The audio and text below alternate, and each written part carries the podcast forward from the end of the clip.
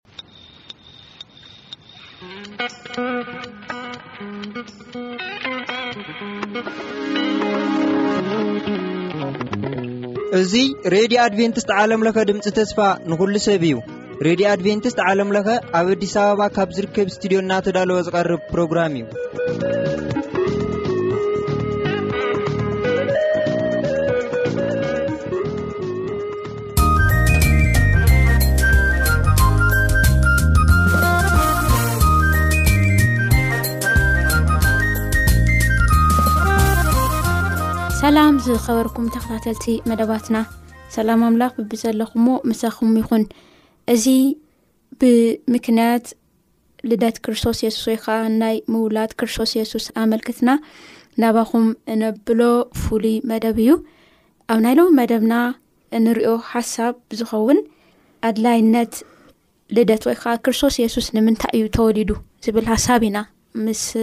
ሓውና ኣማን ባህባር ኮይንና ክንርኢ እዚ ሓሳብ እዚ እናረኣና ኣብ መንጎ ዝተፈላለዩ መዛምርቲ እውን ናባኹም ክነብል ኢና ከምኡ እውን ናይ ጸሎት ግዜ እውን ክህልየና እዩ ማለት እዩ ንስኹም ከዓ ምሳና ክትፀንሑ ብክብሪ ንእድመኩም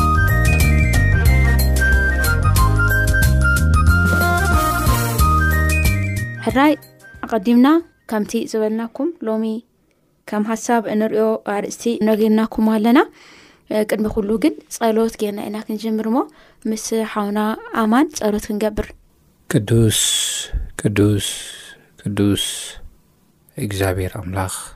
እልፍ ኣላፋት መላእኽታት ዝሰግዱልካ እልፍ ኣላፋት መላእኽቲ ድማ ዘምልኹኻ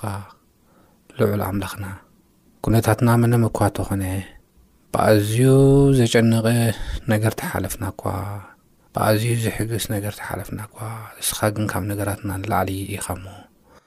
ኣምልኾ ስግደት ምስጋና ይግባኣካ እዩ እሞ ነመስግነካ ኣለና ኣሜን ሕጂ ድማ ናባኻ ቀሪብና ቃልካ ክንከፍት ከለና ክንዘራረብ ከለና ኦ ጎይታ ቃልካ ክትገልጸልና ንዕጽምትና ፈውሲ ንስጋና እውን ፈውሲ ክትህበና ንልምነካ ኣለና ኣሜን ልቦናና ኣእምሮና ኩሉ ብሰላምካ ክትመልኦ በቲ ማንም ከወግዶ ዘይክእል ኣእምሮ ዝሓልፍ ሰማያዊ ሰላም ክትመልኦ ንልምነካ ኣለና ኣሜን እዚ ቃል እዚ ድማ ካብ ርእስና ዘይኮነ ካባይን ካብ ቻሃፍተይን ዘይኮነ ካብ ርእስኻ ዝኾነ ቃል ክኸውን ካባኻ ዝኸውን ቃል ክኾነልና ንልምነካ ኣሜን ዝተረፈ ግዜናን ሰዓትናን ባርኽ ተዛረበና ብጎይታና መድሓና ንስ ክርስቶስ ስም ኣሜን ኣሜን ሕራይ እግዚኣብሔር ይባርካ ኣማን ሓውና ሕዚ ናብቲ ሕቶ ቀጥታ ክኸይድ እዮ እሞ ሓደ ሕቶ ኣለኒ ሕዚ ብዛዕባ ልደት ኢና ንዘራርብ እሞ እስቲ መጽሓፍ ቅዱሳዊ ዝኾነ መዓልቲ ወይ ከዓ እዚ እዩ ተባሂሉ ተፃሓፈ ነገር ኣሎ ዶ መዓስ እዩ ልደት መፅሓፍ ቅዱስና ኣንፃር ክንሪኢ ከለና መዓዝ እዩ ሕራይ ብመጀመርያ ከመስግን እፈቱ እዚ ዕድል እዚ ስለ ዝሃብክኒ ነዚ ሕቶ እዚ ንትሓሽሙ ስለ ዝገበርክኒ ስለ ዝዓደምክኒ ማለት እዩ ብምቕጻል ኣብ መጽሓፍ ቅዱስ እዚ እዩ ዝበሃል ዕለት ክርስቶስ በዚ ዕለት እዚ ተወሊዱ ዝብል ዕለት የለን ምናልባት እዚ ሕጂ ብፈረንጂ ዝኽበር ዘሎ ተሓሳስ 25 ብፈረንጂ ኳ ፅራ እንብሎ እውን ካብቲ ኣብቲ ግዜ እቲ ዝነበረ ወቕት እኳ ከነመዛዝኖ ከለና ጌጋ ዕለት እዩ ምክንያቱ እቲ ዕለት እቲ እቶም ንየሱስ ክርስቶስ ክኸብሩ ኢና ኢሎም ዝመፁ ሰብ ጥበብን ከምኡ እቶም ጓሶትን ኣብ ደገ እዮም ሓዲሮም ነይሮም ኣብዚ ግዜ እዚ ተሓሳስ 25 ግን ኣብ ኤሮጳ ኣብ መላ ኤሮጳ ከምኡውን ኣብ ኣሜሪካ ከምኡውን ኣብ ካልኦት ምዕራብ ሃገራት ከይናብ ንርኢ ኣለዋን በረድን ኣሽንኳይ ሰብ ኣብ ደገ ክሓድር ምሰባጊዑ ኣብ ደገ ክሓድር ኣብ ገዝኡ እውን ሓዊ ወይ ድማ ኣናኺሱ እዩ ሓዊ ታኣሽሙ ገይሩ እዩ ኮፍ ዝብል ስለዚ በዚ ወቅትታት ኬና ክንሪኦ እውን ተሓሳስ 25 ክኸውን ኣይክእልን እዩ የሱስ ክርስቶስ ከዓ ኣብ ቤተልሄም ኤፍራታ እዩ ተወሊዱ ቤተልሄም ኤፍራታ ከዓ ኣብ ኤሮጳ ከባቢ እዩ ዘሎ ኤሮጳ ከባቢ ድማ ኣብዚ ግዜ እዚ በረድን ቁርን እዩ ብጣዕሚ ስለዚ ክኸውን እውን ኣይክእልን እዩ ሓደ ኣይተፃሓፈን በቲ ወቅቲ እውን ከድና ክንሪኦ ከለና ተሓሳስ 25 ክኸውን ኣይክእልን እዩ ምናልባት በቲ ወቅቲ ኣበይ ደኣ ክኸውን ይኽእል ክንብል ከለና ፀሓያማ ኣብ ዝኾነሉ ግዜ እዩ ብጣዕሚ ምቆት ኣብ ዝኮነሉ ግዜ ከም ዝኮነ ግን ክንርዳእ ንክእል ኢና ማለት እዩ ምክንያቱ እቶም ጓሰት ኣብ ደገ እዮም ሓዲሮም ቶም ሰብ ጥበብ ብለይቲ እዮም ዝጓዓዙ ነይሮም ፍሪሊ ማለት እዩ ብነፃ እዚ እዩ ነይሩ ማለት እዩ ስለዚ ብዚ ነጥብታት ኬድና ክንሪኦ ከለና ታሕሳስ 25 ከም ዘይኮነ ኢና ንርኢ እዚ ብምስ ፈረንጅታት ኣታሒዘ ማለት እዩ በቲ ናይ ሓበሻ ኣቋፅራ ድማ ታሕሳስ 29 ታሕሳስ 29 ብናይ ሓበሻ ኣቆጣፅራ እውን ተርኢናዮ ኢየሱስ ክርስቶስ ብርግፅ ኣብ ኢትዮጵያ ኣይኮነን ተወሊዱ ወይ ኣብ ኤርትራ ኣይኮነን ተወሊዱ ኣብ ኢትዮጵያ ኣብ ኤርትራ ስለ ዘይተወለደ ኣብ ኢትዮጵያን ኣብ ኤርትራን ድማ ሙሉእ ዓመት ብረት ዝበሃል ነገር የለን ስለዚ እዚ እዩ ዝበሃል ኢና በቲ ወቅት እውን ክንውስሉን ኣይንኽእልን ኢና ኣብ መፅሓፍ ቅዱስ ን ተወሰነ ነገር ስለዘየለ ታሳስ 29 እውን ናይ ሰብ ፈጠራ በቃ ሰብ ከምዚ ገርና ንግበር ካብ ምባል ወፃኢ እተደይ ኮይኑ ካልእ እንታ ሽሙ ዝግበር ነገር የለን ግን ሰብ ብዘኽብርዎ ብዝተፈላለየ ነገር ብዘምፅዎ ነገር ንሰናይ ነቲ ናይ ጎይታና መድሓና ስ ክርስቶስ ልደት ወንጌል ምስባኽ ግን ኣገዳሲ እዩ ምክንያቱ ብግዜኡን ብዘይ ግዜኡን ወንጌል ስበኽ ኢልዎ ዩ ጳውሎስ ንጢሞቴዎስ ስለዚ ብግዜኡን ብዘይ ግዜኡን እንዲያም ኣብ ኤፌሶን ኬና ክንረአ ከለና ንሰብ ኤፌሶን ግዜ እናዓደኩም እዩ ዝብል ግዜ እናዓደኩም ስለዚ ግዜ እናዓደግና ብካልኣ ባህላት ኣጋጣሚታት እናተጠቀምና እቲ ወንጌል ከነብፅሕ ከም ዝግብኣና ስለ ዝዛረበና እቲ ኣጋጣሚታት እቲ ግዜያት ክንጥቀመሉ ስለ ዝግብኣና በዚ ኣጋጣሚ ተጠቂምና ኢና እቲ ወንጌል ነበስር ዘለና ማለት እዩ እበር የሱስ ክርስቶስ ኣብ ዝዕለት ተኣሽሙ ስለ ዝኾነ ኣይኮነን ስለዚ እቲ ወንጌል ሓድሽ እዩ ብብግዜኡ ምክንያቱም ቃል ኣምላኽ ሓድሽ እዩ ዝብለና እሞ እቲ ወንጌል ኣብ ዝረኸብናዮ ኣጋጣሚ ክነብል እዩ እምበር መፅሓፍ ቅዱስ እዚ መዓልቲ እዩ እዚ ኣይብለናን እዩ ማለት እዩ ስለዚ መፅሓፍ ቅዱሳዊ ይኮነ እቲ መዓልቲ ግን ክርስቶስ ተወሊዱ እዩ ተወሊዱ እዩ እዚና ንሰብኽ እሞ ብጣዕሚ ፅቡቅ ዝኮነ ሓሳብ ይካህብካና እግዚኣብሄር ይባርካ እናበልኩም እዚ ከበርኩም ሰማዕቲ ምሳና ከም ዘለኹም እናሰማዕኹምና ከም ዘለኹም ተስፋ ንገብር ሕዚ ናብታ ካልኢት በልክዋ ሕቶ ወይ ከዓ ነታ መጀመርታ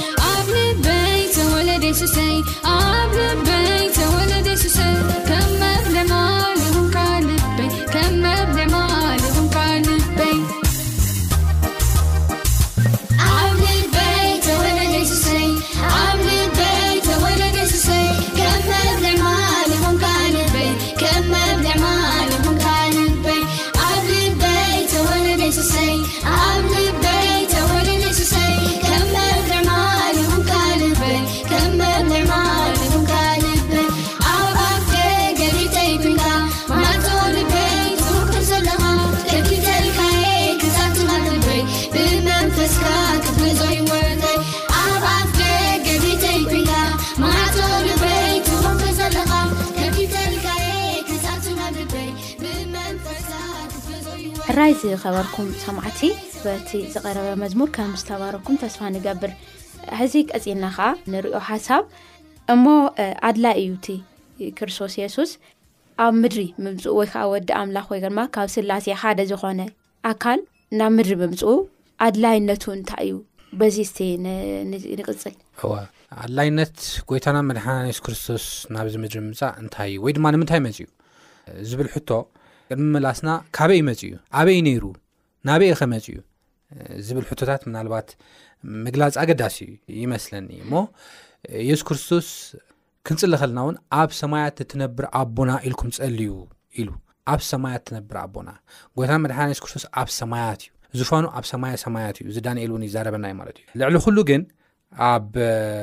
ፊልጵስስ ከምኡውን ኣብ ሮሜ ምዕራብ 8 ፍቅዲ 34 ከድና ንሪእየሉ እዋን ኢየሱስ ክርስቶስ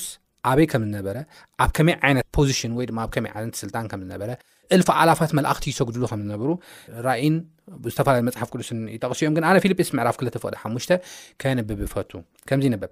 እቲ ኣብ ክርስቶስ የሱስ ዝነበረ ሓሳብ ኣባኸትኩም ይሃልኹም ምስ በለ ፊልጵስ ምዕራፍ 2 ፍቕዲ 5 ቁፅሪ 6 ንሱ ብመልክዕ ኣምላኽ ክነሱ ማዕረ ኣምላኽ ምዃኑ ከም ምምንዛዕ ኣይረኣዮን መልክዕ ባርያ ወሲዱ ግን ርእሱ ኣሕሰረ ሰቡን መሰለ ብንብረቱ ከዓ ከም ሰብ ኮይኑ ተረኽበ ርእሱ ክሳዕ ሞት ኣትሓተ ክሳዕ ሞት ኣብ መስቀል እኳ ደኣ ተኣዘዘ ይብል ስለዚ ጎይታና የሱስ ክርስቶስ ኣብ ሰማያት ዝነብር እልፍ ኣላፋት መላእኽቲ ዝነብርሉ ማዕረ ኣቦ ስልጣን ዝነበሮ ዝመለኽ ዝነበረ ዝስገ ዝነበረ ባዕሉ እውን ኣምላኽ ዝኾነ እዩ ማለት እዩ ኣብ ከምዚ ዓይነት ፖዚሽን እዩ ነይሩ ኣብ ከምዚ ዓይነት ስልጣን እዩ ነይሩ ጎይታና እዩ ነይሩ ፈጣሪና እዩ ነይሩ ኣምላኽና እዩ ነይሩ ስለዚ እዚ ኣምላኽ እዚ ናበይ እዩ መፅኡ ክንብል ከልና ናብዛ ብዛዕባ ናይ እግዚኣብሔር ፍጥረት ክንሓስብ ከልና ሓፍናቹ ብጣዕሚ ካብ ዝገርመኪ ነገር ኣዝዩ ሰፊሕ እዩ እዛ ምድሪ እዚኣ ምስ ናይ እግዚኣብሄር ፍጥረት ዩኒቨርስ ወይ ድማ ኮስሞስ ኢልና ንፅውዖ መነፀር ገርና ክንሪኣ ከለና እዛ ምድርና እዚኣ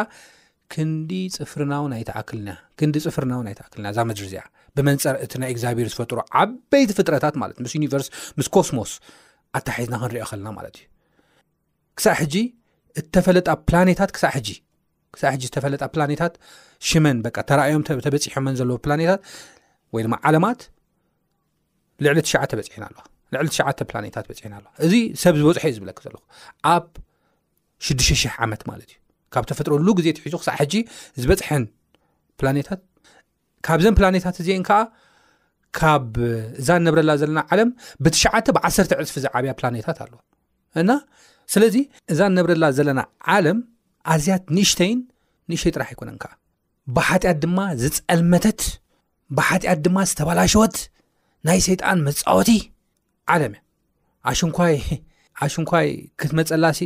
ቪዚት ገይርካ ትመፀላሲ ንክትሪኣ እኳ ምስ ቅልቅልቅልቅል ዝበለት ኣብ መንጎ ኣሰላም ዘይብላ ኣብኡ ዘለ ፍጡራት ድማ ንባዕሎም ዝቃታተሉላ ዘይትምነያ ዓለም እያ ከም ሰብ ኮይና ክንሪኦ ከለና ማለት እዩ ግን ጎይታ ናይ የሱስ ክርስቶስ መፅእዩ ጎይታ ናይ የሱስ ክርስቶስ መፅእዩ ዝመፅሉ ዕላማ ኣለዎ ቪዚት ክገብር ክጉብንየና ክበፅሓና ገለ ኣይኮነን ናብዛ ሰብ ክኸደላ ስከ ክምነየላ ዘይብላ ዓለም ከም ዝመፀ ኢና ንርኢ ሕጂ ኢየሱስ ክርስቶስ ንምንታይ እዩ መፅኡ ንምንታይ እዩ መፅኡ ክንብል ከለና ብዙሕ ካብ የሱስ ክርስቶስ ቃላት ዝወፁ ባዕሎም ዝወፁ ቃላት ኣሉ እዞም ቃላት እዚኦም ብምልኦም ሓደ ብሓደ ክንሪኦም እፈቱ እቲ ቀዳማይ ናይ ኣቦኡ ፍቓድ ንኽፍፅም እዩ እዩ ዝብለና እቲ ቀዳማይ ናይ ኣቦኡ ፍቓድ ክፍጽም እዩ ኣብ መንጎ ኣቦን ወድን መንፈስ ቅዱስን ዘሎ ርክብ ሓፍትና ቹቹ ኣብ መንጎ ኣቦን ወድን መንፈስ ቅዱስን ዘሎ ርክብ ካብ ኣእምሮና ንላዕሊ እዩ ንሕና ኣምላኽ ብዓብ ፍቕሪ ይፍቂርና ወዱ ክሳብ መሃቢ ኣፍቂርና ኢና ንብል ብሽ ግን እዚ ፍቕሪ እዚ ንዓና ዘፍቀረና ዓብዪ ፍቕሪ ንብሎ ከምዚ ዓይነት ፍቕሪ የለን ኣብ መፅሓፍ ቅዱስ ን ኢሉ እዩ ሰብ ንፈታዊ እዩ መስዋእቲ ክኾነሉ ኽእል እዩ ዘለዎ ነገር ክቦ ኽእል እዩ ንፀላእ እዩ ንዘይፈትዎ ንዝቃወሞ ግን ከመይ ገይሩ ክመተሉ ኽእል ይብል መፅሓፍ ቅዱስ ን እዚ ይብል ኣይከኣልን እዩ ግን እቲ ዘይከኣል ገይርዎ እዩ እዚ ግን ናይ ምንታይ መግለፂ እ ክትብል ንከለኸ ኣብ ዮሃንስ ወንጌል ምዕራፍ 17 ኬድና ክንርእ ከለና ኣብ መንጎ ኣቦን ወድን መንፈስ ቅዱስን ዘሎ ፍቕሪ እዩ እዚ ዓብ ፍቕሪ ኣብ መንጎ ኣቦን ወድን መንፈስ ቅዱስን ዘሎ ፍቕሪ ዮሃንስ ወንጌል 1722 ከ ብኣንድነት ወይ ድማ ብሓድነት ፍፁማት ክኾኑ ዓለም ድማ ከምቲ ንኣይ ዝለኣኽካንን ዘፍቀርካንን ሕጂ ኣቦን ወዲ የፍቅሮ እዩ ዘፍቀርካን ከምኡ ንኣታቶም ከም ዘፍቀርካዮም ምእንቲ ክፈልጥ ሲ ንሕና ሓደ ከም ዝኾንና ኣናባታቶም ስኻ ኣባይ ሓደ ምእንቲ ክኾኑ እቲ ዝሃብካኒ ክብሪ ሃብክዎም ወኣቦይ ቅድሚ ምስራት ዓለም ኣፍቂርካኒ ኢኻ እሞ እዞም ዝሃብካኒ ድማ ትምዝባብ ክብረይ ምእንቲ ክርእዩስ ይብል መቁጽሪ ዕስራን ሽዱሽተን እታ ብኣኣ ዘፍቀርካኒ እታ ብኣኣ ዘፍቀርካኒ ፍቕሪ ኣባታቶም ምእንቲ ክትከውን ኣነ እውን ኣባታቶም ስምካ ኣፍሊጠዮም ኣለኹ እሞ ከፍልጦም እየ ይብል እታ ብኣኣ ዘፍቀርካኒ ፍቕሪ ኣባታቶም ምእንቲ ክኸውን እታ ንየሱስ ክርስቶስ ዘፍቅሮ ዝነበረ ፍቕሪ ነቲ ሓደ ወዱ ዘፍቅሮ ዝነበረ ፍቕሪ እዩ ኣባና ገይርዋ እታ ፍቕሪ እዚኣ ኣከናዊኖ ኣቦ ማለት ሕጂ ናይ ኣቦ ፍቕሪ ናይ እግዚኣብሄር ፍቕሪ ንዓና ዓብዪ እዩ እንታይ ስለ ዝኾና ኢና ከምዚ ዓይነት ብዓብዪ ፍቕሪ ዘፍቅረና እግዚኣብሄር ስለ ዝፀላእናዮ ካብ መንገዱ ስለ ዝወፃና ሕጉ ስለ ዘይገበርና ይሰቐል ኢልና ስለ ዝኣወጅና በርባን ይፈታሕ የሱስ ክርስቶስ ግን ይሰቐል ስለ ዝበልና ዝገርም እዩ ካብ ማነትና ካብ ናትና ማንነት ካብ ናትና ተግባራት ወፃኢ ንላዕሊ እዩ ካብኡ ንላዕሊ እዩ ናይ እግዚኣብሔር ፍቕሪ ኣብዚ ዝተወሰነ ኣይኮነን ክገብረልካ እሞ ክግበረለይ ዝብል ዝተወሰነ ኣይኮነን ካብ ክገብረልካ ግበረለይ ዝብል ዝወፀን ዝለዓለን እዩ ናይ እግዚኣብሔር ፍቕሪ ግበረልካ ግበረለይ ተዝኾኑ ድማ ንዓና ዘይኮነ ዝግበኣና ነገር ግን ካብኡ ንላዕሊ ወፅኡ እግዚኣብሔር ከምዚ እኳ እናገበርናዮ በታ ንየሱስ ክርስቶስ ንወዱ ዘፍቅሮ ፍቕሪ ብኣ ገይሩ ከም ዘፍቀረና ኢና ንሪኦ ማለት እዩ ስለዚ ይፋቐሩ ነይሮም ኣቦ ንወዲ የፍቅሮ ነይሩ እዩ ወዲ ንኣቦ የፍቅሮ ነይሩ እዩ ኣቦ ንመንፈስ ቅዱስ የፍቅሮ ነይሩ እዩ መንፈስ ቅዱስ እውን ንኣቦ የፍቅሮ ነይሩ እዩ ንወዲ እውን ነንባዕሎም ዝነበሮም ፍቕሪ ከምዚ ዓይነት ፍቕሪ እዩ ነይሩ ብኣ ፍቐር ድማ ከም ዝፈትወና ኢና ንርኢ ስለዚ እቲ ናይ መጀመርያ ዕላማ የሱስ ክርስቶስ ናብዚ ዓለም ዝመፅኣሉ ዕላማ እንታይ እዩ ክንብል ከለና ፍቓድ ኣቦኡ ክገብር እዩ እዚኣ እያ እታ ናይ መጀመርያ ክብላ ዝደለኹ ማለት እዩ ፍቓድ ኣቦኡ ክገብር ኢሉ ምናልባት ናይ ክርስቶስ ትሕትናን ናይ ክርስቶስ ኣኽብሮትን ንኣቦኡ ማለት እዩ ናይ መንፈስ ቅዱስ ድማ ትሕትናን ናይ መንፈስ ቅዱስ ድማ ኣኽብሮትን ንወዲ ሓደ ሓደ ሰብ ሚስ ኣንደርስታንድ ገይሮም ሚስ ኮት ገይሮም ኢየሱ ክርስቶስ ፍጡር እዩ መንፈስ ቅዱስ ሓይሊ እዩ ናይ ባዕሉ ኣካል የብሉን ታይዶሜሎስ ክበሃል ይኽእል እዩ ኣይኮነን እዚ ኣብ መንጎ መለኮት ዘሎ ፍቕሪ ካብ እምሮናን ላዕልን ክንርድኦ ዘይንኽእል ምስጢርን ካብ ምዃኑስ ዝተላዕለ ክንቅበሎ እዩ ዘለና ስለዚ ናይ ኣቦኡ ፍቓድ ክገብር መፅኡ ክንብል ከልና ሓደ ናይ መለኮት ባህሪ እዩ እዚ ትሕትና ፍቕሪ ምእዛዝ እዚ ናይ መለኮት ባህሪ እዩ ስስዐ ዝበሃል የለን ጥቕሚ ዝበሃል የለን ስለዚ ናይ ኣቦኡ ፍቓድ ክገብር ስለ ዝደለ ዮሃንስ ወንጌል ምዕራፍ 6 ፍቕዲ 3 ሸሞንተን ከምዩ ዝብለና ዝበልክዎ ሓሳብ ብጥቕሲ ከንብቦ እዚ የሱስ ክርስቶስ ዝበለና እዩ ንሕና ካብ ቃልና ዝወሰኽናሉ ነገር ይብሉ እንታይ ይብል ኣነ ፍቓድ እቲ ዝለኣኸኒ እምበር ፍቓደይ ምእንቲ ክገብር ኣይኮንኩን ካብ ሰማይ ወሪደ ዘለኹ ይብለና ካብ ሰማይ ወሪደ ዘለኹ ሲ ፍቓድ እቲ ዝለኣኸኒ እምበር ፍቓደይ ምእንቲ ክገብር ኣይኮንኩን ፔሬድ ፍቓድ እቲ ኣብ ሰማይ ዘሎ ክገብር እዩ እንታይ እቲ ፍቓድ ኣብ ሰማይ ዘሎ መፅሓፍ ቅዱስ ኣምላኽ በቲ ሓደ ወዱ ዝኣመነ ዘበለ ኩሉ ናይ ዘለዓለም ህይወት ምእንቲ ክረክብ እምበር ንኸይጠፍእ እሲ ንወዱ በጃ ክሳዕ ዝህብ ክሳዕ ክንዲዚ ንዓለም ኣፍቀራ ንወዱ በጃ ክሳዕ ዝህብ ንምንታይ ሂብዎ ንወዱ ንምንታይ እዩ ሂብዎ ሂብዎ እዩ ንወዱ በጃ ክሳዕ ዝብ ንሞት ኣሕሊፉ እዩ ሂብዎ በጃ ንሞት ኣሕሊፉ ክሳብ ዝህብ ኢና ዓለም ኣፍቂርዋ ኪድ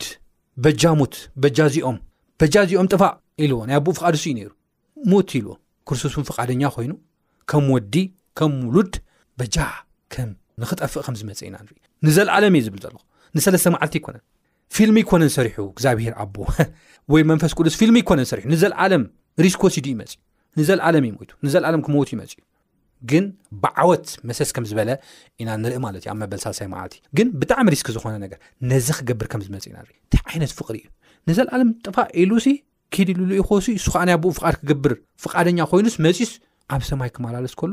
እንታይ ዓይነት ፍቅሪ እዩ ልደት እንታይ እዩ ዘምህረና ክሳብ መስዋእቲ ክንጓዓዝ ከም ዘለና እንታይ ዓይነት እዩ ዘምህረና ዝብል እዚ ጥቕሲ እዚ ዓብይ ዓብይ ዓብይ ትርጉም ዘለዎ ሓሳብ እዩ ፍቓድ እቲ ዝለኣኸኒ እበር ፍቓድ ይገብር ኣይኮንኩን ወ ቶታ ንምንታይ እዩ ዚ ክንብል ከለና ሓንቲ ጥቕሲ ክንብብ ሞ ክውድእ ድሓር ናብቲ ካልኦት ጥቕስታት ን ስለ ዘለዉን ከይበዝሑኒ ንዓኸ ሓደ ዕድል ሂበ ናብቲ ዝቕፅል ክኸይደ ንምንታይ እዩ ዝገይሩ ፍቓድ እቲ ዝለኣኸኒ እበር ፍቓደይ ክገብር ኣይኮንኩን መጽእ ክብል ከሎ የሱስ ክርስቶስ ንምንታይ እዩ ክንብል ከለና ፊልጵስ ምዕራፍ 2 ፍቕዲ 5 ክሳብ 8 ቅድም ኢለ ኣንቢበዮ ነይረ እንታይ ይብል ንርእሱ ባዶ ገበረ እዩ ዝብለና ንርእሱ ሲ ባዶ ገበረ ፍቓድ ከሎ ፍቓድ ከም ዘይብሉ ናቱ ድሌታት ከሎ ድሌታት ከም ዘይብሉ ኮይኑ ርእሱ ባዶ ገይሩ እቲ ዝነበሮ ፖዚሽን እቲ ዝነበሮ ስልጣን ገዲፉ ከምዘይንቡር ገይሩ እዩ መፅ ባዶ መሰል ከለዎ መሰል ከም ዘይብሉ ድሌት ከለዎ ድሌት ከም ዘይብሉ ንዑ ኮይ ኣነ ፍቓድ ኣሎኒ ፍቓድ ኣሎኒ ግን እቲ ፍቓደይ ንጎኒ ገይረ ፍቓድ ኣቦ ይከበር መፅ እንታይ እቲ ፍቓድ ኣቦ ሞት ሞት እዩ ክይድ ነዚኦም ሞትካ ድሕኖም እዩ ፍቓደይ ክገብር ኣይኮንኩውን መፅ ፍቓድ ካዓ ክገብር መፅ ኢሉ እንታይ ገይርዎ እቲ ናይ መስቀል ሞት ከም ዝቐመሰ ኢና ንርኢ ከመይ ዓይነት ፍቕሪ ከም ዝኾነ እዚ ካብ እምሮና ንላዕሊ እዩ ክርዳኣና ይክእል ከመይ ገይሩ እዩ ሞይቱስ እሱ ሞይቱ ጠፊኡስ ንሕና ክንነብር ከመይ ገይሩ እዩ ናቱ ፍቓድ ከለዎ ኣቦ ኣዚዙ እስኻ ጥፋእ ንዘለኣለም ሙት ወይ ድማ ዋጋ ክፈል ዕዳ ክፈል ንሶም ይንበሩ ካብ እምሮና ኣላዕሊ እዩ ክንፈልጦ ይንኽእልና እዚ ናይ ዘለኣለም ትምህርትና እዩ ኣብ ሰማይ ከድና እውን ንመሃሮ እዩ እንታይ ዓይነት ምስጢር እዩ ኣይንፈልጦን ኢና ከመይ ገይሩ እዩ ንዓና እግዚኣብሄር ዝርእና ኣብ ኢዱ ኣብኡ ኣብ ዓይኑ ዘለና ክብሪ እንታይ ዓይነት እዩ ኣይንፈልጦና ልደት እዚ እዩ ዘምህረና እዚ ናይ መጀመርያ ሓሳብ ማለት እዩ ናብቲ ዝቕፅል ሓሳብ ቅድሚ ምሕላፈ ዕድል ክበኪ ጎይታ ይባር ሸት ፅቡቅ ብጣዕሚ ዝገርም ሓሳብ እዩ እግዚኣብሄር ዕቤት እግዚኣብሄር ህዚ ትዛረብ ፀኒሕኻና መሊኡ ዝተረፎ ኣምላኽ እዩ ካባና ማለት ኣብ ሰማይ ዘለዉ ሰራዊት ከመይ ገይሮም ከም ለምልኽዎ መፅሓፍ ቅዱስ ይነግረና እዩ እግዚኣብሄር ስለ ዝግብኣካ እዩ ላብሉ እዮም ለምልኹ እዞም ኣብ ሓጢኣት ዘወደቑ ፍጡራ ማለት እዩና ግን ኣሕናሲ ምእንቲ ወዲ ሰብ እግዚኣብሔር ዝሃቦ ክብሪ ካብ ባዕሉ ካብ ህይወት ኣማቒሉ ዝሃቦ መንነት ስኢንዎ ኣነ ዝሃለፈ ምስ ሓወይ ኣብ ገዛ ንዘረረብ ፀኒሕናና እንታይ ብለኒ ፀኒሑ ወዲ ሰብ ሲ ናብቲ ሓጢኣት ዝወደቐሉ መንገዲ ንርአ እሞ ኢሉ ሰይጣን ኣጋግዩኒ ሰይጣን ኣጋግዩኒ ብዙሕ ግዜ ንብል ኢሉ ግን ከምኡ ኣይኮነን እቲ ሰብ ባዕሉ እዩ ናብቲ ሰይጣን ካይዱ ኢሉ ማለት ናብቲ ፈተና ቦታ ናብቲ እግዚኣብሄር ዘይፈቐዶ ቦታ እዚ ኻድ እዚ ሰብ ባዕሉ እዩ ብባዕሉ ተታሊላ እያ ሄዋን ናብቲ ኦም ተኸትከላ ብባዕላ ተታሊላ እያ ካይዳንበይ ንዒ ኢሉ ጎቲቶ ኣይኮነይ ናብቲ ሓጢኣት ኣእትዋ እና እዚ እንታይ እዩ ዘርእካ እግዚኣብሔር ንወዲ ሰብ ክንዳየናይ ነፃነት ከም ዝሃቦ ምርጫ ከም ዝሃቦ ዝደለዮ ነገር ንክገብር ማለት ካብኡ ዝተልዓለ ግን ናብቲ ካብ እግዚኣብሔር ዝፈል መንገዲ ከም ዝኸደ ወዲ ሰብ ንርኢ ማለት እዩ ኮይኑ ግን እዚ እና ሰማይ ኩነታት ክንሪኢ ከለና ሰማይ እግዚኣብሔር ሰማይ ሲ ባዶ ገይርዎ ኢሉ ባዶ ገይርዎ እዩ ንወዱ ናብ ምድሪ ክልእ ከሎ ይብል እና ናይ ሰማይ ውሳኔ ክትርኢ ከለካ በቃ ብጣዕሚ እዩ እዚ እዩ ኢልካ ትገልፆ ኣይኮነን በቃ ኮ ክምለኽ ክስገደሉ እግዚኣብሄር ነባራ እዩ ዝነበረ ዘሎ ከምኡ ውን ንቅድሚት ን ዝነብር ኣምላኽ እዩ ክንዲዚ ግን ንወዲ ሰብ ንምንታይ እዩ ሓሲቡ ክንዲዚ ግን ንወዲ ሰብ ንምንታይ እዩ ተጨኒቁ ክንዲዚ ግን ንወዲ ሰብ ዋጋ ንምንታይ ከፊሉ ዝብል በቃ ዝኾነ ሓሲብና ደጋጊምና ሓሲብና መልሲ ንስዕለሉ ጉዳይ እዩና በዚ ኩሉ ክንርኢ ከለና ግን እግዚኣብሄር ንወዲ ሰብ ዘለዎ ኣረኣያ ማለት ንወዲ ሰብ ዘለዎ ኣመለኻኸታ ክርስቶስ ብደንብ ገይሩ ዩ ዝገልፀና እዚኻ ተብለልና ፀኒሕኻና ሰዓትና ካድሎ እዩ ትውስኮ ነገር ተል ስኸና ሞናብቲ ካልእ ቐፃሊ ሓሳብይ ቅድሚ ምእታወይ እዚ እንታይ እዩ ዘርእና ዋጋ ጎይታ ንደቂ ሰባት ዝሃቦ ዋጋ ሎሚ ኣብ ዝተፈላለዩ ቦታታት ኮይንኩም ሬድዮታትና ትሰምዑ ዘለኹም ብዛ ሰዓት እዚኣ ብኣጋጣሚ ሬድዮታትኩም ከፊትኩም ተዳምፁና ዘለኹም ክቡራት ሰማዕትና ሎሚ ልደት ክርስቶስ የሱስ ንዓኻ ዘለዎ ዋጋ ዘይትመን ብገንዘብ ዘይትመን ብቓሓ ዘይትመን ብዚ ኣብዚ ምድሪ ዘሎ ሃብቲ ዘይትመን ልዑል ዋጋ ከም ዘሎ እዩ ትነግረና ማለት እዩ ኣነ እናተሳቐኹ፣ ኣነ ብሽግር እናሓለፍኩ፣ ኣነ ሓሚመ ከለኹ፣ ኣነ ደቀይን ኣቦይን ኣደይን ጠፊኦመኒ ክነሶም ከመይ ገይሩ እንታይ እንታይ ዓይነት ዋጋ ኢኻ ትብለን ዘለካ ኣማን ክብሉኒ ይኽእሉ እዮም ኣብ ዝሓለፈ ስብከት ግዜና ብዛዕባ እዮብ ኣንቢብና ነርና ኢና ኣብ ምድሪ ዘሎ ውፃእ ውረት ብሓጢኣት ዝመፀ ነገር እዩ ግን ኪንዮ ሞት ድሕሪ ሞት ትንሳኤ ኣሎ ሎሚ ክርስቶስ ኣሚንካ እንተ ዓሪፍካ ሎሚ ክርስቶስ ኣሚንካ ተኣዚዝካ እንተ ዓሪፍካ እግዚኣብሄር ነቶም ብእኡ ዝኣመኑ ነቶም ዋጋ ዝተኸፍለሎም ነቶም ክርስቶስ ምእንትኦም ኢሉ ባዶ ርእሱ ዝገበረ ዓይነ ዘይረኣየቶ እዝኒ ዘይሰምዓቶ ኣብ ልቢ ሰብ እውን ዘይተሓስበ ክትርኢ ከለካ እቲ ዋጋ ክትፈልጦ ኢኻ ማለት እዩ እዚ ግን እመን ልደት ክርስቶስ እዙ ዘመልክተካ መን ስለ ዝኾና ኢና ምናልባት ሽግራት ክትርኢ ትኽእል ኢኻ ኣብዚ ዓለም ብጦርነት ሕለፍ ብጦርነት ኣይትሕለፍ ብሰላም ኩን ብህውከት ኩን ኣብ ዝተፈላለየ ኣብ ወፃኢ ኹኑ ኣብ ውሽጢ ዓዲ ኮይንኩም ትሰምዑና ዘለኹም ማለት እዩ ሞት ዝተርፍ ነገር ኣይኮነን ስቓይ ዝተርፍ ነገር ኣይኮነን ሕማም ዝተርፍ ነገር ኣይኮነን ኣባኻ ጥራሕ እውን ዝበፅሕ ነገር ኣይኮነን እቲ ናይ ክርስቶስ ዋጋ ዝትመን ድሕሪ ሞት ዘሎ ኩነታት እዩ ኪነ ሞት ትንሳኤ ኣሎ ኪነ ሞት እግዚኣብሄር ዘዳልዎ ነቶም ዝፈትዎ ነገር ኣሎ እሞ እዚ ርኢኻ ክትመላለስ